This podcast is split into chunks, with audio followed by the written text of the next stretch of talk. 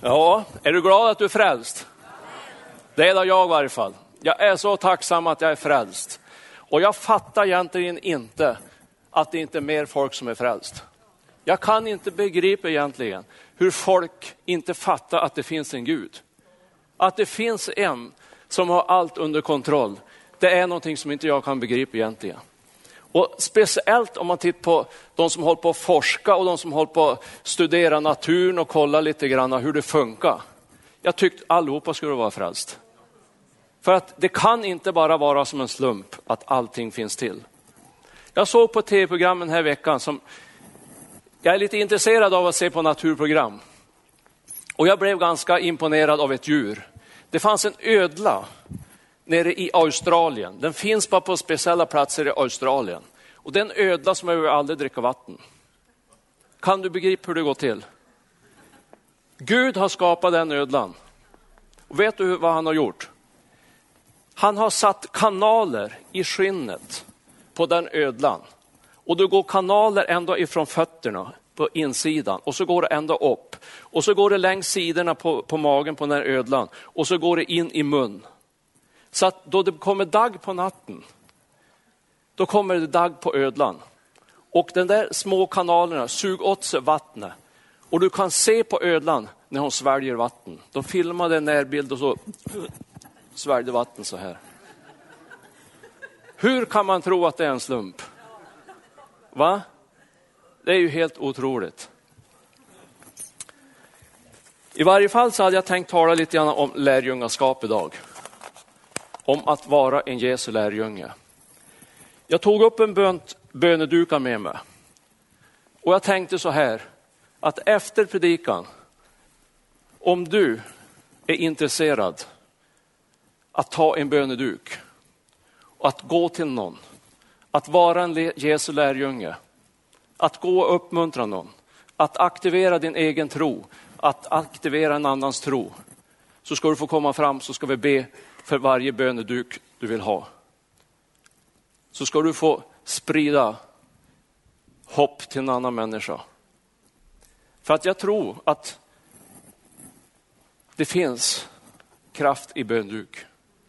Det finns någonting att gå till en annan människa, att uppmuntra en annan människa, att aktivera deras tro. Det ska vi göra efteråt. Jag fick ett ord som jag skulle vilja börja med att uppmuntra en annan människa. Jag tror att du finns här som behöver höra det här. För jag har fått det så klart och tydligt. Och det är från Johannes 11 och vers 4, där står det, denna sjukdom ska inte sluta med döden, står det. Jag bara fick det som ett kristallklart i veckan här, när jag slog upp Gud, ge mig ett ord till någon människa. Och jag tror att du är här idag som har fått ett budskap om att du har en sjukdom. Men denna sjukdom ska inte sluta med döden. Jag skulle bara uppmuntra dig, var inte orolig. Var inte ängslig.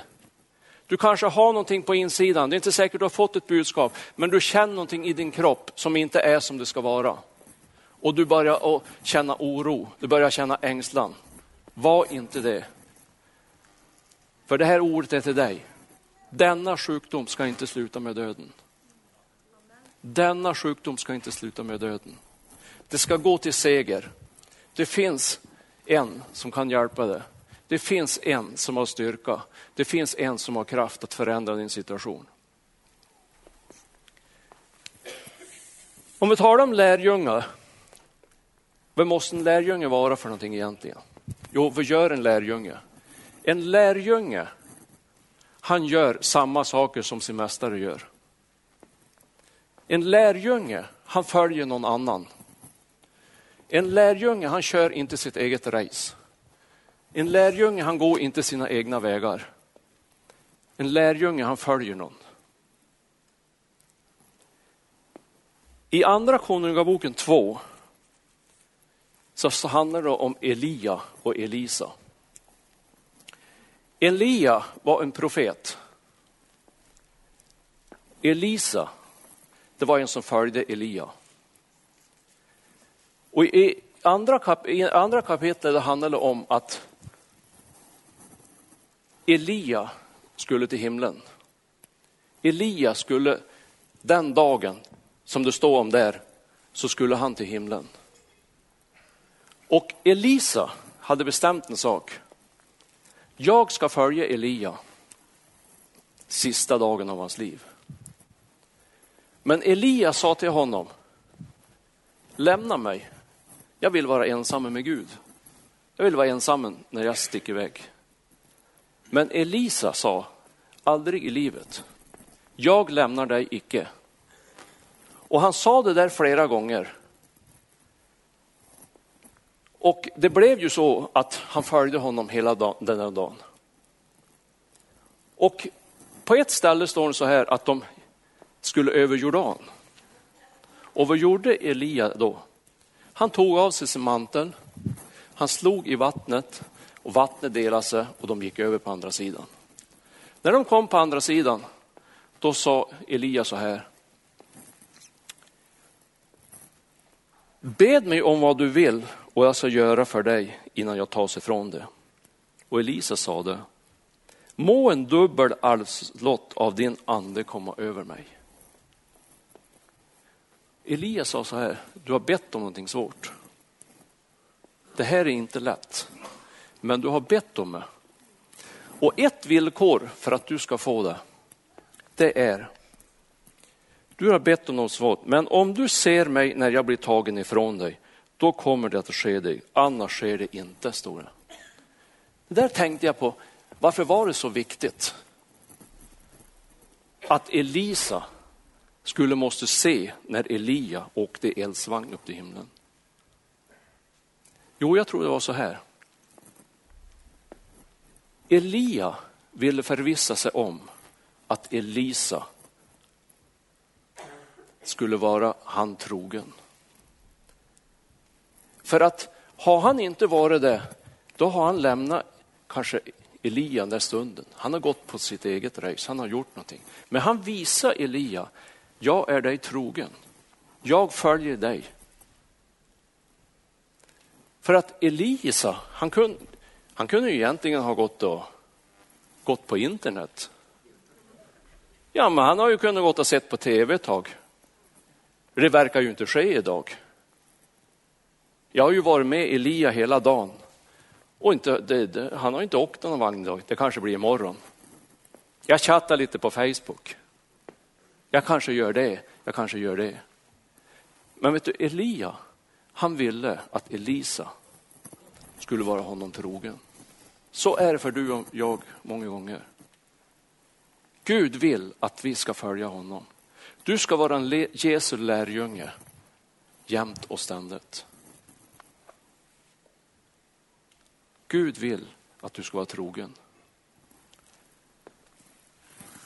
Och det blev ju så här att Elisa såg ju då Elia gick upp. Så han fick ju en dubbel arvslott. Han blev ju profet. Och då står det någon vers längre fram då. Då var ju han på andra sidan Jordan. Han skulle ju tillbaks. Jag undrar vad han tänkte. Är man lärjunge, då gör man samma saker som sin mästare. Och har min, min mästare sagt någonting, ja, då gör jag det. Vad gjorde Elisa? Han tog upp manteln som Elia hade lämnat. Sen gick han till Jordan då tog han manteln och så slog han i vattnet. Och du vet vad som hände? Det delade sig igen. Och han gick över. Har Jesus sagt att vi ska lägga händerna på de sjuka? Då ska vi göra det. Har Jesus sagt vi ska gå ut? Då ska vi göra det. Har Jesus sagt att du ska vara en människofiskare, då ska du vara en människofiskare.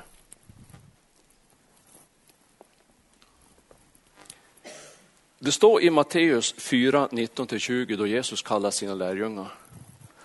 Då gick han efter stranden och så sa han till lärjungarna, följ mig. Det var liksom bara pang på bara, följ mig. Han var inte intresserad av vad är ni duktig på för någonting? Kan ni predik? Kan ni uppväcka döda? Kan ni lägga händerna på sjuka? Nej, han var inte intresserad av det. Han var intresserad av en sak, följ mig. Det var bara det han var intresserad av. För då står det efteråt, då ska jag göra dig till människofiskare. Det är han som ska göra det. I dig själv kan du ingenting.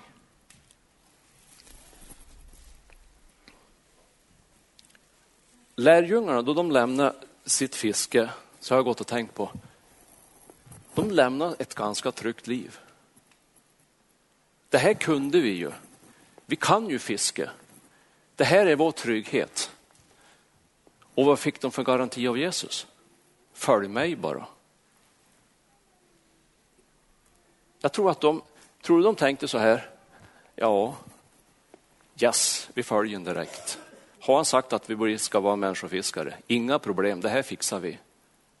Jag tror inte de tänkte så. Jag tror de tänkte så här, det här blir svårt. Hur ska det gå? Men har Jesus, han som vi har följt ett tag, har han sagt det, då, då ska vi göra det. De kände så här, det här kan inte vi. Men har Jesus sagt det, då gör vi det.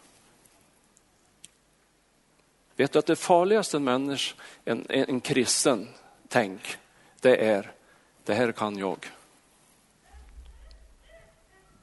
Jag tror det är genomgående, det spelar ingen roll om du är pastor eller vem du är.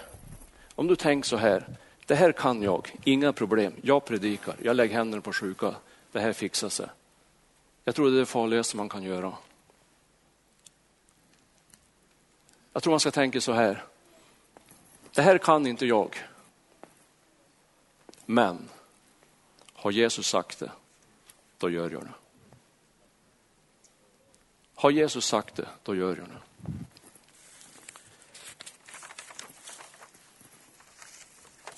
Och när han har sagt någonting, då vet du att då kommer det att bli så. Har han sagt det, att om du följer mig och jag ska göra er till människofiskare, då kom du till att bli en människofiskare. Då kom du till att kan lägga händerna på sjuka och de kommer att bli friska. Då kan du åka ut på ett missionsteam. Inga problem. Då kan du göra det du ser, där du tycker själv att det är totalt omöjligt. Där du tänker, det här kan inte jag. Det här går inte. Vad tror du Petrus tänkte då han skulle gå på vattnet? Det här kan inte jag. Men Jesus, har du sagt kom? Då hoppar jag över kanten. Då kom jag.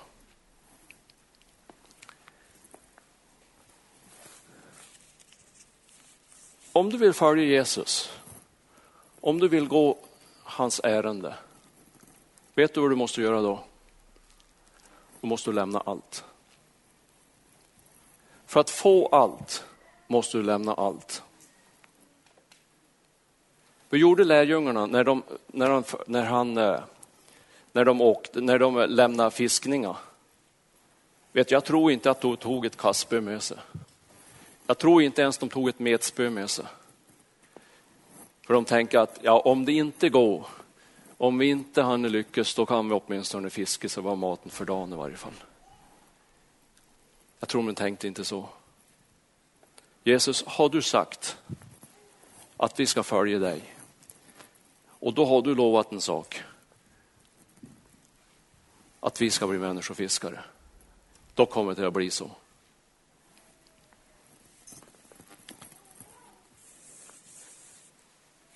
För att få allt måste du lämna allt. Jag tror allt för många kristna Håll kvar någonting bakom sig. Du har en liten, liten hållhake. Du tänker att det här lämnar jag inte riktigt. Det här är så fantastiskt roligt.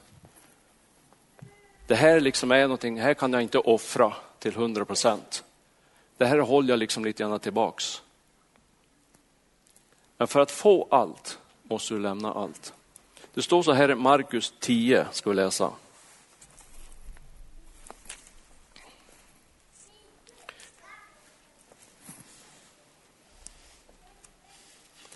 Kan läsa från vers 29. Jesus sade, amen säger er, ingen lämnar hus eller bröder eller systrar eller mor eller far eller barn eller, å, eller åkrar för min och evangeliets skull utan att få hundrafalt igen. Allt som du offrar för Gud, det kommer du få en skörd på.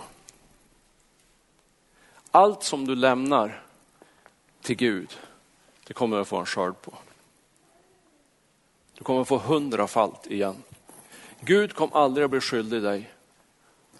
Om du offrar tid, om du offrar pengar, om du offrar någonting för Gud, du kommer få hundrafalt igen. Det står till och med om du har en bror, om du har en syster, om du har mor, föräldrar, mor och far. Om de inte delar din uppfattning, om inte de håller med om alla saker i ditt liv, men du håller fast vid Jesus, så kommer du få en skörd på det. Du kommer få en skörd på det. Var inte orolig. Lämna allt för att få allt. Det här det var egentligen inledningen. För jag vill komma någonstans. Du har en kallelse på ditt liv.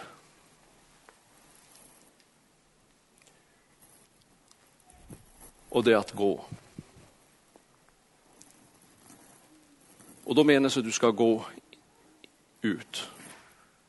Du ska inte gå runt, runt in i rummet där du är.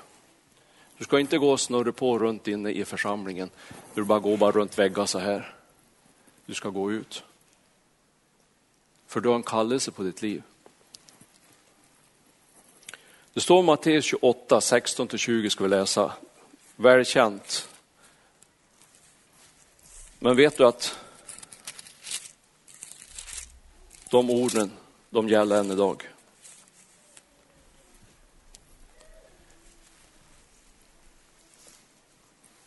Det står så här.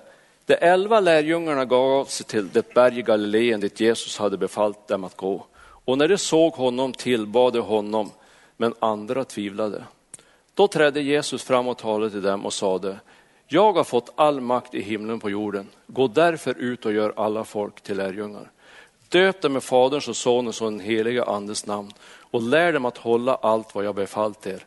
Och se, jag är med er alla dagar in till tidens ände. De där orden de gäller än idag. Att du ska producera lärjungar. Att jag ska producera lärjungar. Och kan man tänka så här. Lever jag som en Jesu lärjunge?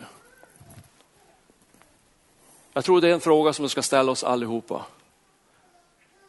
Den frågan börjar jag ställa mig varje dag. Lever jag som en Jesu lärjunge? För att om jag ska kunna producera lärjungar, det första kriteriet, det är att jag lever som en Jesu lärjunge. Det är villkoret att jag lever som Elisa. Jag lämnar dig inte. Jag lämnar dig inte förrän du har givit mig dubbel arvslott unnande.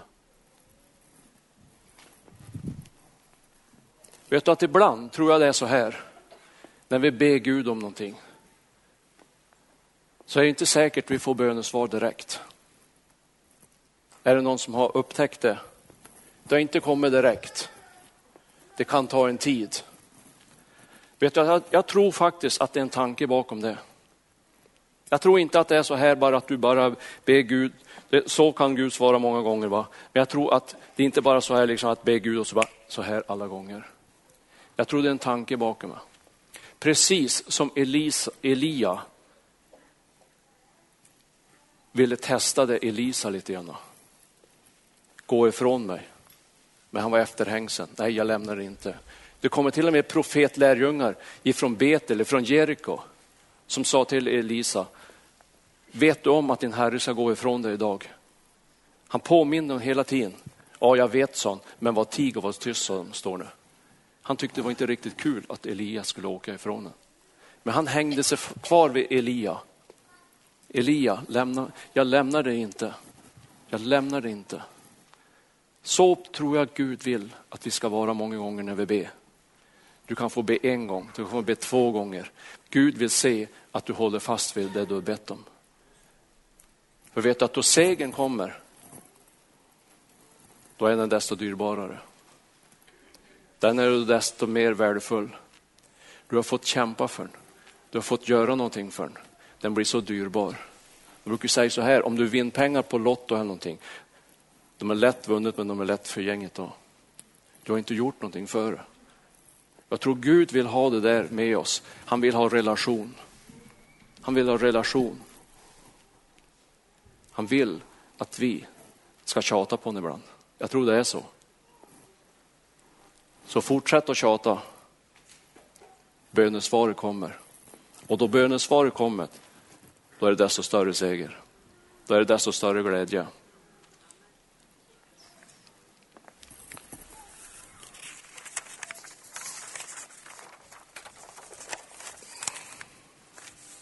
Gå ut. Det finns en annan berättelse som handlar lite grann om att lita på Jesus. Och den berättelsen står i Lukas 5, 1-5. Och det handlar om när lärjungarna har varit ute och fiskat. Du känner till den här berättelsen så väl. De hade varit ute och fiskat hela natten. De hade inte fått en fisk. När de kom i land, då var Jesus där. Då sa Jesus, har ni fått någon fisk? Kartan visste att de inte hade fått någon fisk, men han frågade dem ändå. Nej, vi har inte fått en enda än. Då sa Jesus någonting åt dem som jag har tänkt på. Då sa de så här, lägg ut på djupet på andra sidan båten. Vad tror du lärjungarna svarar honom? Omöjligt. Totalt omöjligt, det är inte lönt för försök. Var fiske hela natten, har inte fått en enda firre. Inte ens en mört. Och sista stället som jag skulle lägga ut nätet på, det var redan på djup i varje fall. För jag har jobbat med en som håller på att fiska lite grann och jag har följt ut och fiskat lite grann. Så jag vet vart man lägger nätet någonstans. Man lägger nätet där det är grynnor. I sund, i vikar. Och där botten kan liksom gå så här så du kan du börja lite grunt och så kan nätet liksom flöta ut. Då. det är på sådana ställen man lägger ut. Man far ju inte på bråddjupet och lägger ut nätet. Men vet du vad Petrus sa då? Jag är säkert att han sa så här att ja, Jesus det här går inte i varje fall. Men, så står det, på din befallning, har du sagt att det går, då går det. Har du sagt att vi kan göra det, då gör vi det. Fast själva verket så tror jag inte på han fiske, fiskefänge. Jag tror så där ska du och jag handla många gånger. Det här verkar omöjligt. Det här, verkar, det här kom aldrig att gå. Men Jesus, har du sagt att jag ska vara människofiskare? Då, då ska jag gå ut. Då ska jag gå på ditt ord. Nu vet ju resultatet hur mycket fisk de fick. Då hade lika lätt kunnat bli en flopp alltihopa om Petrus hade fått bestämma. Hade Petrus bestämt, då hade de inte ens fått mat för dagen. Men du ser då Jesus bestämmer. När du går hans vägar, då kan du vara lugn. Då blir det resultat. Jag tycker om de här verserna lite längre ner på det här. Vi ska läsa några verser i Lukas 5.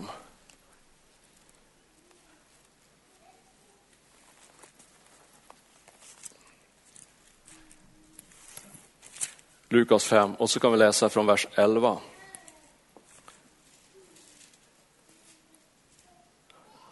Ja, vi kan läsa från, När, från vers 8. När Simon Petrus såg det föll han ner för Jesus sade, gå bort ifrån mig Herre, ty jag är en syndig människa.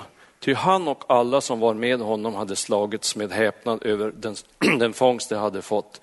Också Jakob och Johannes, Sebedeus söner, som fiskade lag med Simon. Men Jesus sa till honom, frukta inte, härefter ska du fånga människor. Jag gillar de här verserna. Petrus, han skämdes. Gud, gå, Jesus gå ifrån mig. Jag är ju värdelös. Jag är ju oduglig. Som inte kunde lita och tro på dig att du hade rätt när vi skulle lägga ut nätet. Han kände sig så urslig, han kände sig så dålig så han sa till och med gå ifrån mig. Men då säger Jesus, frukta inte. Har du känt det där någon gång? Att jag har försökt. Jag kanske har varit till någon människa. Jag kanske har försökt att vittna.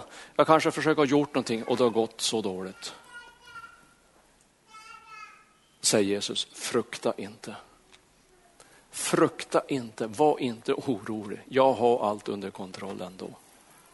Petrus han tycktes ha gjort bort sig totalt. Men det var så härligt att Jesus sa, frukta inte.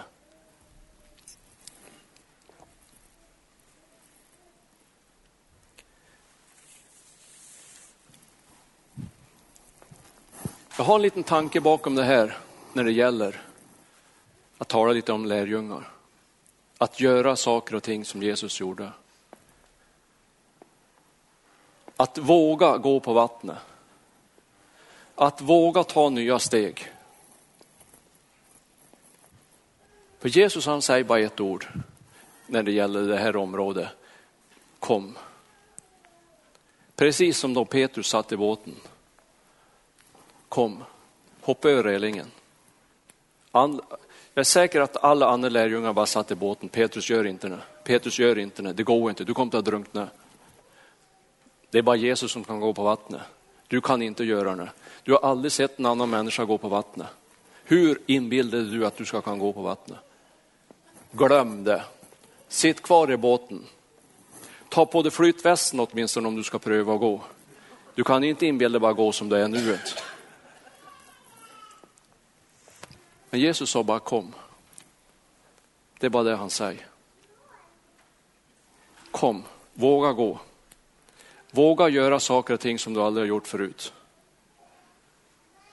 Jag kan bara säga det är inga problem, det kommer att gå jättebra. Bara du har Jesus med dig. Bara du hoppar över relingen på den sida där Jesus står. Inbäll dig aldrig hoppa över relingen på baksidan. För vet du, då måste du gå runt båten för att komma dit där Jesus är. Det kan hända mycket på den vägen. Det kan hända mycket på den vägen, tänk på det. Och orsaken varför jag har gått och tänkt på det här lärjungaskap. Det är att om fem år ska vi vara 300 i församlingen. Om fem år har vi bestämt vi ska växa med 20 varje år.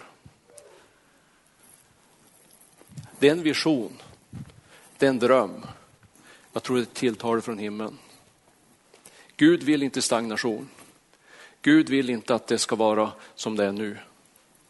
Gud vill tillväxt. Gud vill att det ska växa så det bara knaka. Vi har 300 stolar här inne. Jag tror det fattas tre. Jag tror det är 297 stolar.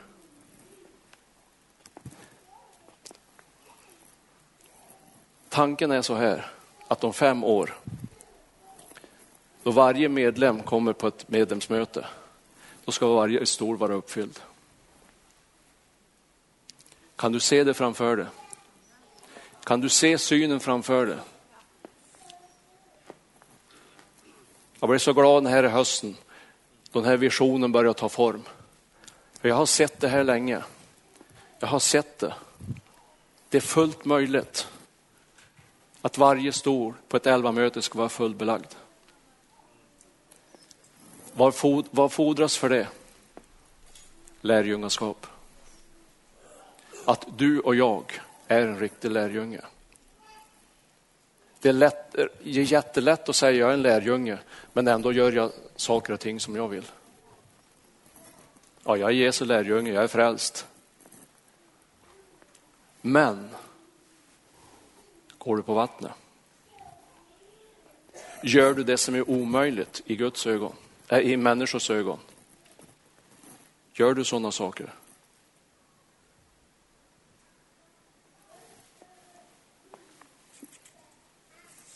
Vet du vad jag tror?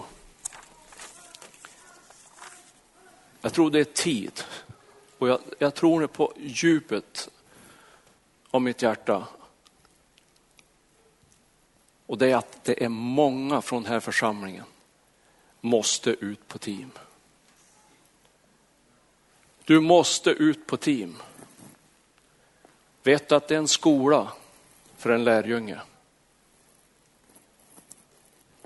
Och jag kan lova dig till 100 procent, du är inte densamma när du kom tillbaks. Du är en helt annan lärjunge då än då du åkte.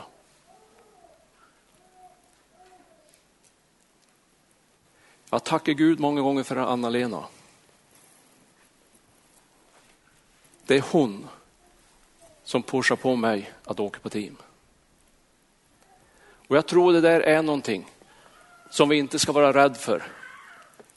Pusha på en annan människa, åk på team.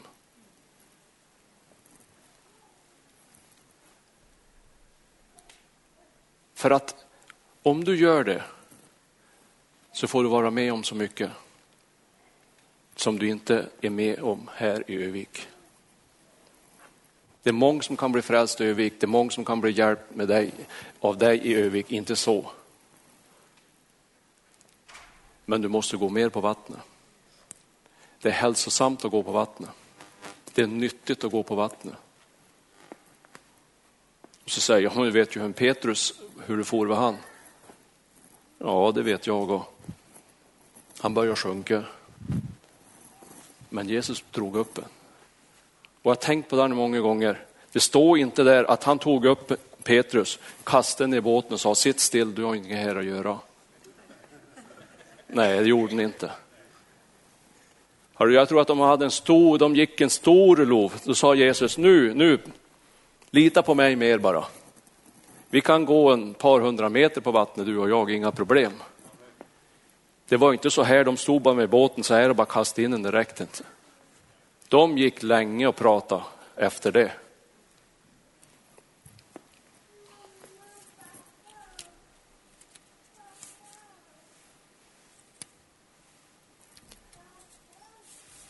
Kanske är du här idag och du har varit precis som en evangelist.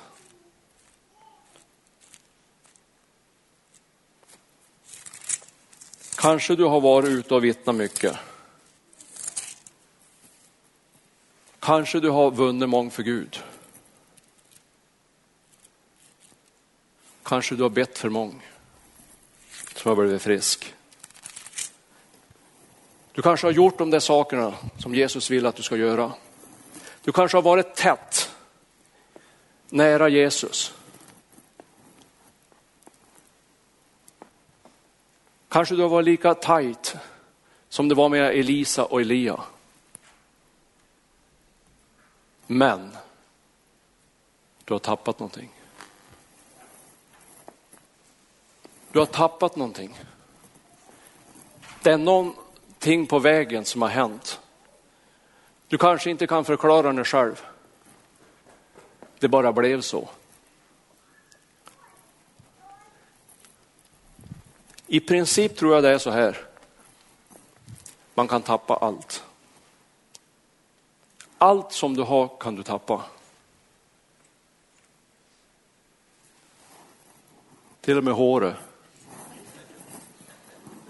Du trodde en dag att jag har det. Men rätt vid det så har du tappat det. Du vet inte ordet av. Så kan det vara med relation med Gud. Så kan det vara med vägen med Gud. Du behöver inte vara avfälling. Du kan vara frälst. Inte så. Men det kan vara en smörjelse. Det kan vara någonting som du har tappat. Det står så här i andra Konungaboken 6. Ska läsa från början där ska du få se någonting. Profetlärjungarna sa till Elisa, se rummet där vi sitter inför dig är för trångt för oss. Låt oss därför gå till Jordan och hämta varsin timmerstock därifrån så att vi där kan bygga oss ett annat hus att sitta i. Han svarade, gå. Men en av dem sade, jag ber dig, kom med din tjänare. Han svarade, jag ska gå med. Så gick han med dem och när de kom till Jordan började hugga ner träd. Men medan en av dem höll på att fälla träd föll yxhuvudet i vattnet. Då skrek han till och sade, O min herre, yxan var ju lånad. Gudsmannen frågade, var föll den i? Han visade honom stället. Elisa högg då av ett stycke trä och kastade i det just där yxan fallit i, i vattnet och fick järnet att flyta upp. Sedan sa han, tag nu upp det, då räckte mannen ut handen och tog det. Du kan ha tappat någonting.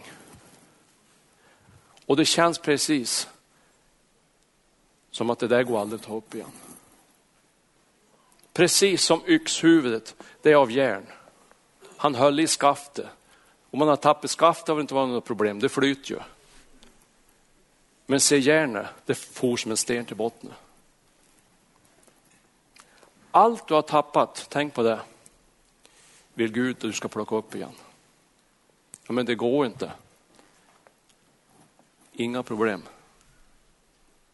Järnet flöt upp. Det som var totalt omöjligt. Vet du, Gud är intresserad av allt som är tappat, det ska tillbaks. Tänk på det här fåret. Hade hundra får, men det var ett som var borta. Vad var det för viktigt då? Tapp ett får, vad gör det? Jag har ju 99 kvar. Jag lever ju på det lika bra som jag har 100. Det var viktigt att få tillbaka det. Tänk på den här silverpengen. Han tappade bort ett. Gjorde allt för att leta tillbaka igen. Allt som du har tappat är Gud intresserad av att plocka tillbaka. Tänk inte så här, precis som den här tänkte, det här är ju kört. Har jag ett yxhuvud på botten, då kan jag bara glömma, jag hittar ju inte åt det. För du kan ju tänka vart han tappar nu. Han tappar ju inte här var fötterna. Han håller ju på att hugga. Tjong, tjong. Det kanske får 50 meter ut i floden. Hur ska du få upp det så? Omöjligt. Han tänkte det. Omöjligt, det här går icke. Vad sa gudsmannen? Det är möjligt. En som har tro säger att allt är möjligt.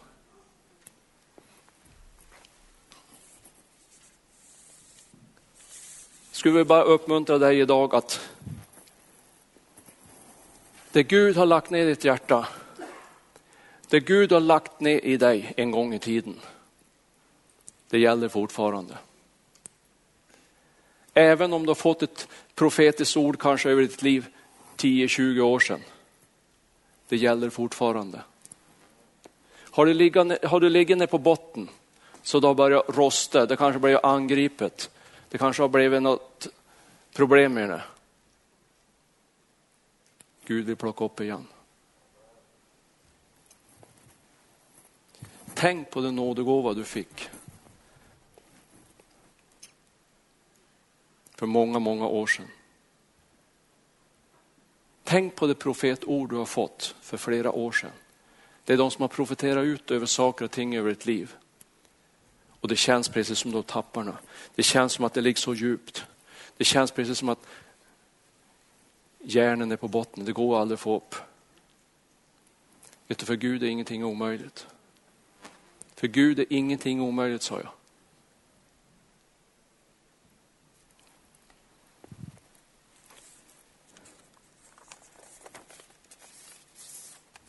Kan Gud skapa en ödla som inte behöver dricka? Så tror inte jag det är något stort problem att blåsa liv i de gåvor du har.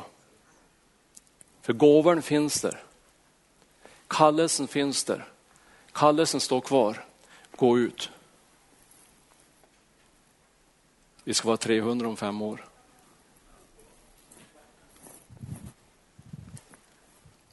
För Gud är ingenting omöjligt. Det står i Guds ord. Och visst tror vi på vad Guds ord säger.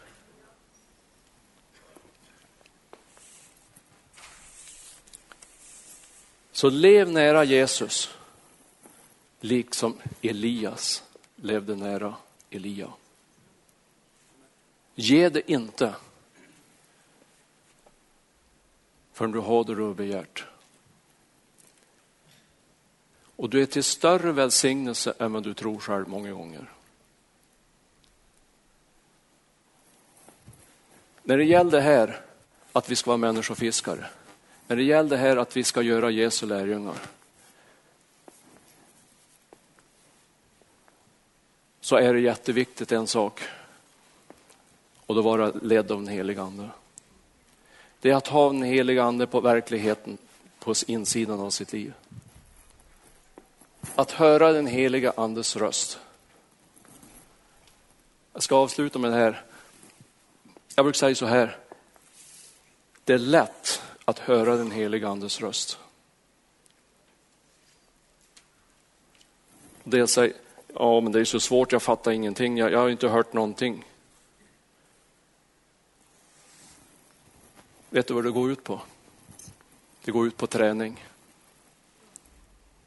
Utan träning kommer du aldrig höra den heliga Andes röst. Jag är ju lite intresserad av att vara skogen. Och jag har ju tränat mig till en sak. Att jag känner igen vissa fåglar. Hör jag en domherre, då vet jag, då, då vet jag ju att den är ju en domherre. Hör jag en sparvuggla som låt, då vet du hur hon låter som. Hur kan jag veta det? Därför att jag har lärt mig det. Därför att jag har tränat mig till det. Jag är säker att om jag skulle ta många av er här ute i skogen, inte säkert ni skulle ens höra att en fågel där. För att, äh, det går bara att prata liksom och det bara går va. Men då skulle jag säga, lyssna det där är någonting. Ja, det är en fågel säger du, men jag vet inte vad det är. Ja, men det tror jag det. Du har inte lärt det. Du har inte tränat det. Så är det ju med en helig ande. Det är en sak som man måste lära sig. Det är jättelätt. Men tro inte att du kan lära dig höra en helig andes röst framför Facebook. Framför tvn. Det går inte. Du måste ta tid till det. Och du ska tänka på en sak, att den heliga ande, han talar till dig på samma sätt varje gång. Han talar med samma röst. Kolla bara på en eh, herde då han lockar på fåra. Han lockar på sina får med samma röst. Han visslar inte så en gång och ett bus visslar på ett annat vis nästa gång. I slut så vet de ingenting. Det där är en träning. Och vi ska bara be att den heliga ande får bli mer verklig för oss var och en. Vi har den heliga ande på insidan. Det är inte eh, tal om någonting annat. Är du frälst, är du på väg till himlen, så har du den på insidan. Och det står att det är din hjälpare att vara människofiskare. Du ska använda den mer än vad du gör idag.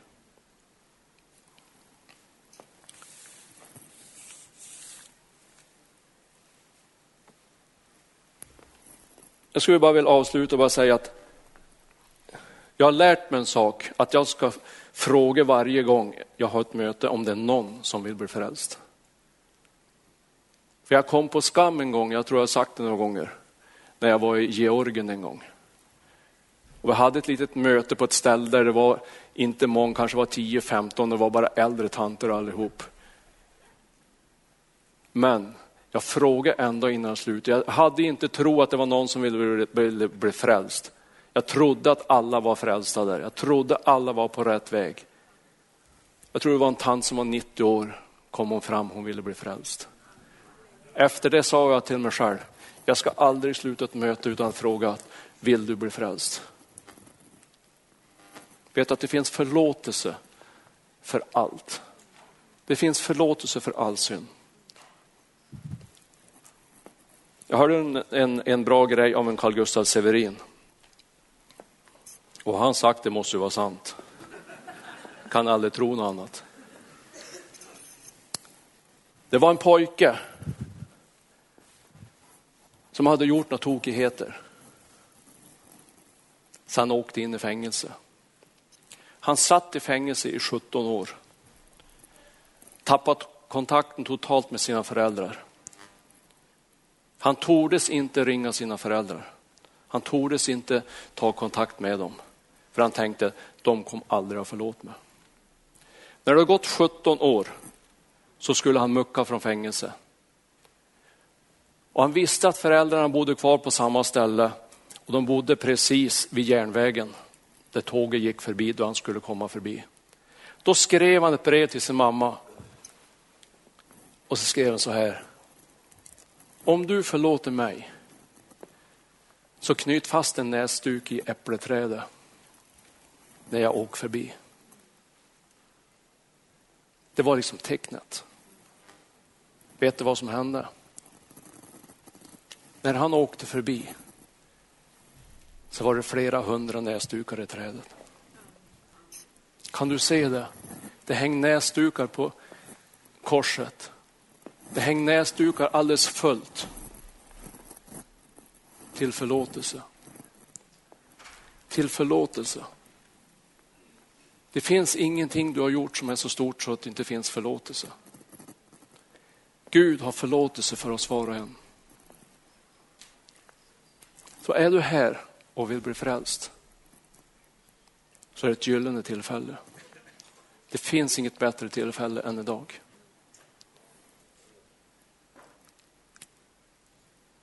Du är för dyrbar för att inte tjäna Gud. Du är för dyrbar för att inte vara till välsignelse för en annan. Jag ska avsluta. Och om du vill ha en böneduk ska du komma fram. Om du vill ha förbön för något annat ska vi be. Och vill du bli frälst så skulle jag vilja att du kom fram hit. Det är ingenting att skämmas för att stiga upp och gå fram. Det är någonting att vara stolt över. För du har fattat ett beslut som har ett evighetsvärde. Och det är inget beslut som vi tar lätt på. Så att, ska jag be lovsångaren komma fram? Så sjunger vi lite. Och så ska vi be för bönedukar och så ska vi be för dig. Om du vill bli frälst så är du jätte, jätte välkommen.